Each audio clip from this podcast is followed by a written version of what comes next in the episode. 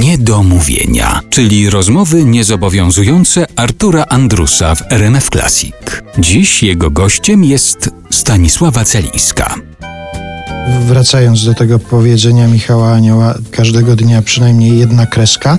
I dosłownie wracając do tych kresek, ja znalazłem właśnie w internecie takie pani zdjęcie. Stanisława Celińska siedzi w ogrodzie i rysuje.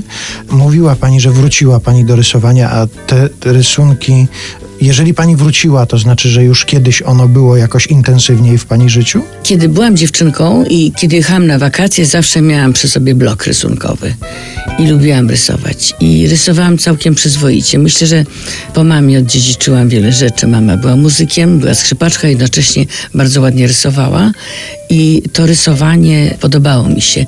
I teraz jakoś tak znowu mi się to spodobało, bo to jest taki jakby to powiedzieć, na przykład piszę wiecznym piórem, bo dla mnie kontakt przez wieczne pióro z papierem, tak y, ręczny kontakt, to jest coś takiego twórczego i wspaniałego. Dotykać tego, co się, o czym się myśli, przez to, że się to napisze.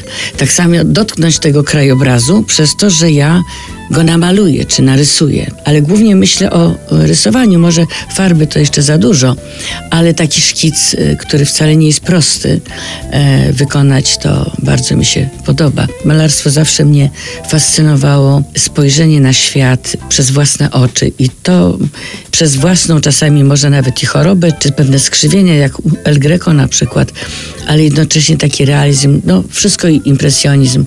I tak pomyślałam sobie, a jak ja bym narysowała taki domek e, mój na, na działce, to co było najważniejsze? Na razie rysuję go w miarę dokładnie, żeby mhm. sobie wszystko przypomnieć ale potem będę próbowała narysować taki domek, y, tak jak ja go czuję, czyli coś dla mnie tam najważniejsze, nie wiem, może jedno okno.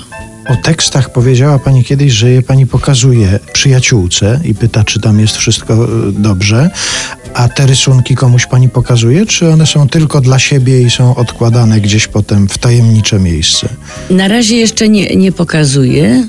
Ale to też jest kwestia przyjaciółki, która powiedziałam coś, że chciała rysować, ale mi kupiła cały komplet ołówków różnych, e, węgli czarnych i na początku zaczęłam sobie kolorować troszeczkę takie gotowe ołóweczkiem, żeby to rysować i jeden nawet pokolorowałam dla Macieja Muraszko, taki statek, mhm. jemu to wręczyłam, a potem pomyślałam sobie tak, no to jest fajne, ale ja muszę sama, muszę sama narysować i pomalutku zaczynam się do tego zabierać. Myślę, że pokażę, nie będę się wstydzić, bo, bo i czegoś tu się wstydzić.